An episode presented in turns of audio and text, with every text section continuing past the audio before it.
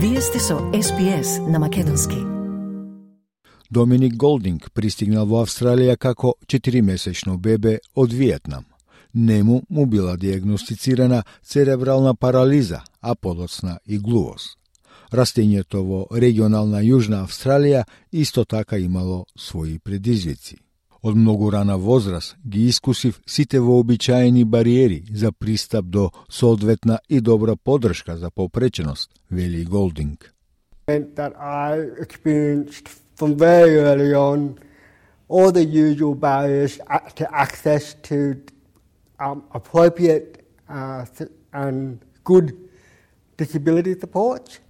Неговите искуства го наведоа да биде застапник на другите во последните 17 години. Господин Голдинг е еден од бројните луѓе кои ја споделуваат својата приказна и искуство со комисијата, бидејќи таа ги испитува бариерите со кои се соочуваат лицата кои живеат со попреченост од мигрантските заедници.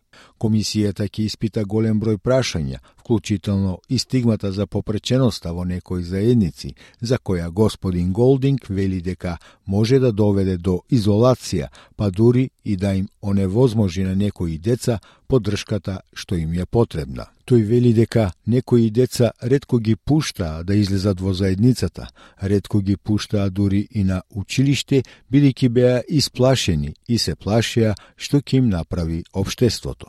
They let them go out into the community.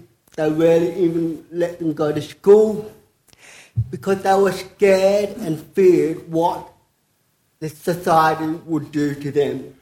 Вишиот советник кој помага на комисијата, Кейт Истман, вели дека собирањето податоци за луѓето од културно различно потекло останува ограничено. People from CALD backgrounds are not an homogenous group, and so too people with disability with CALD identity. Identifying people with disability from CALD backgrounds is not easy.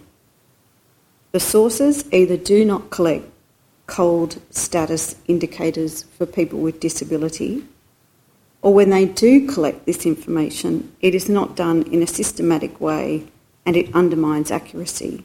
Според NDIS, од крајот на јуни, 9,3% од сите активни учесници биле од мигрантско потекло. Тоа е многу помалку од оние кои се идентификуваат дека доаѓаат од мигрантските заедници во општата популација. Застапниците како Джан Карло Девера велат дека подобрувањето на собирањето податоци би помогнало да се решат некои од проблемите со кои се соочуваат заедниците калт. Тој вели дека ако имаме повеќе податоци, тогаш можноста за создавање програми и политики засновани на докази се зголемува и тоа е можност за решавање на тие проблеми што ги доживуваат заедницата и можат многу полесно да се решаваат. If we have more data, then the opportunity to, to create evidence-based programs and policies is increased exponentially. And so the, op- the opportunity to, um, to resolve those problems that the communities experience um, is, is, um, is much more easily managed. Комисијата исто така ќе слушне и за бариерите со кои се соочуваат неодамна пристигнатите мигранти и бегалци при пристапот до услугите.